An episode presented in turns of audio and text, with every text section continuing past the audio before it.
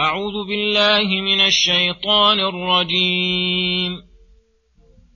وأنذرهم يوم الآزفة إذ القلوب لدى الحناجر كاظمين. ما للظالمين من حميم ولا شفيع يطاع. يعلم خائنة الأعين وما تخفي الصدور والله يقضي بالحق والذين يدعون من دونه لا يقضون بشيء إن الله هو السميع البصير أولم يسيروا في الأرض فينظروا كيف كان عاقبة الذين كانوا من قبلهم كانوا هم أشد منهم قوة وآثارا في الأرض فأخذهم الله بذنوبهم ۖ فأخذهم الله بذنوبهم وما كان لهم من الله من واق. ذلك بأنهم كانت تأتيهم رسلهم بالبينات فكفروا فأخذهم الله إنه قوي شديد العقاب. ولقد أرسلنا موسى بآياتنا وسلطان مبين. إلى فرعون وهامان وقارون فقالوا ساحر كذاب. فلما جاءهم بالحق من عندنا قالوا اقتلوا ابناء الذين امنوا معه واستحيوا نساءهم وما كيد الكافرين الا في ضلال بسم الله الرحمن الرحيم. السلام عليكم ورحمة الله وبركاته. يقول الله سبحانه وأنذرهم يوم الآزفة إذ القلوب لدى الحناجر كاظمين ما للظالمين من حميم ولا شفيع يطاع. يقول تعالى النبي محمد صلى الله عليه وسلم وأنذرهم يوم الآزفة أي يوم القيامة التي قد أزفت وقربت وآن الوصول إلى أهوالها وقلاقلها وزلازلها. إذ القلوب لدى الحناجر أي قد ارتفعت وبقيت أفئدتهم هواء ووصلت القلوب من الروع والكرب إلى الحناجر شاخصة أبصارهم. كاظمين لا يتكلمون إلا من أذن له الرحمن وقال صوابا. وكاظمين على ما في قلوبهم من الروع الشديد والمزعجات الهائلة.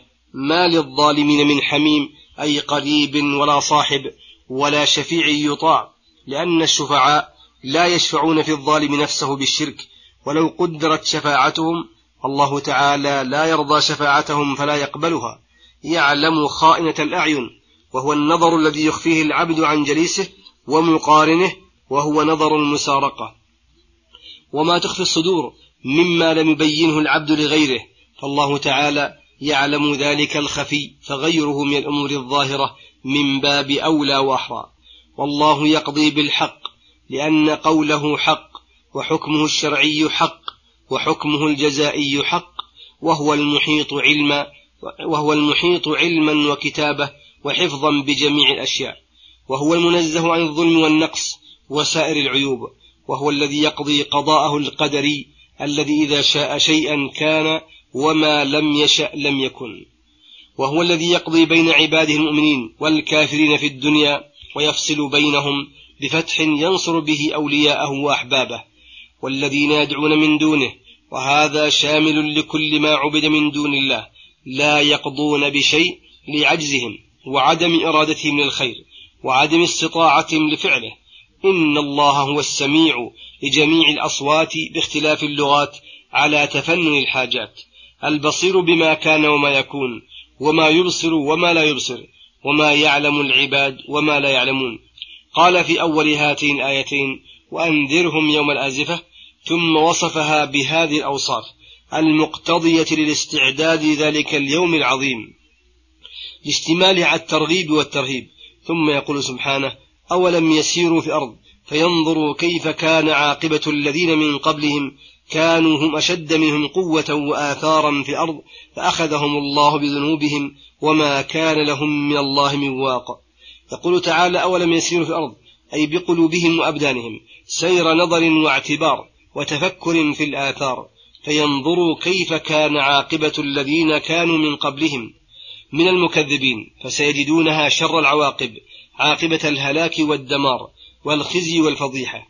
وقد كانوا أشد منهم قوة في العدد والعدد وكبر الأجسام وأشد آثارا في الأرض من البناء والغرس وقوة الآثار تدل على قوة المؤثر فيها وعلى تمنعه بها فأخذهم الله بعقوبته بذنوبهم حين أصروا واستمروا عليها. إنه قوي شديد العقاب فلم تغن قوتهم عند قوة الله شيئا بل من أعظم الأمم قوة قوم عاد الذين قالوا من أشد منا قوة؟ أرسل الله إليهم ريحا أضعفت قواهم ودمرتهم كل تدمير. ثم ذكر نموذج من أحوال المكذبين الرسل وهو فرعون وجنوده فقال ولقد أرسلنا موسى إلى قوله أشد العذاب. أي ولقد أرسلنا إلى جنس هؤلاء المكذبين موسى بن عمران بآياتنا العظيمة الدالة دلالة قطعية على حقيقة ما أرسل به وبطلان ما عليه من أرسل إليهم من الشرك وما يتبعه وسلطان مبين أي حجة بينة تتسلط على القلوب فتذعن لها كالحية والعصا ونحوهما من الآيات البينات التي أيد الله بها موسى ومكنه ممن مما دعا إليه من الحق إلى المبعوث إليهم فرعون وهامان وزيره وقارون الذي كان من قوم موسى فبغى عليهم بماله.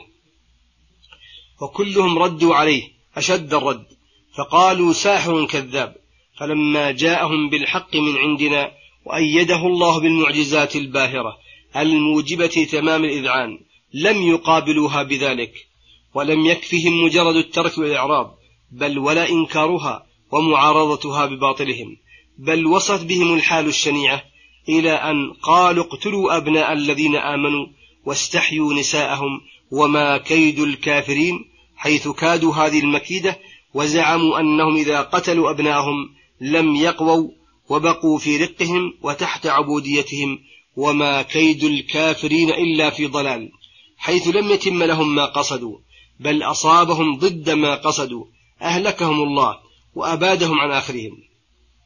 قاعدة وتدبر هذه النكتة التي يكثر مرورها بكتاب الله تعالى إذا إذا كان السياق في قصة معينة أو على شيء معين وأراد الله أن يحكم على ذلك المعين بحكم لا يختص به ذكر الحكم وعلقه على الوصف العام ليكون أعم وتندرج فيه الصورة التي سيق الكلام لأجلها وليندفع الإيهام باختصاص الحكم بذلك المعين فلهذا لم يقل وما كيدهم إلا في ضلال بل قال وما كيد الكافرين إلا في ضلال وصلى الله وسلم على نبينا محمد وعلى آله وصحبه أجمعين. وإلى الحلقة القادمة غدا إن شاء الله. والسلام عليكم ورحمة الله وبركاته.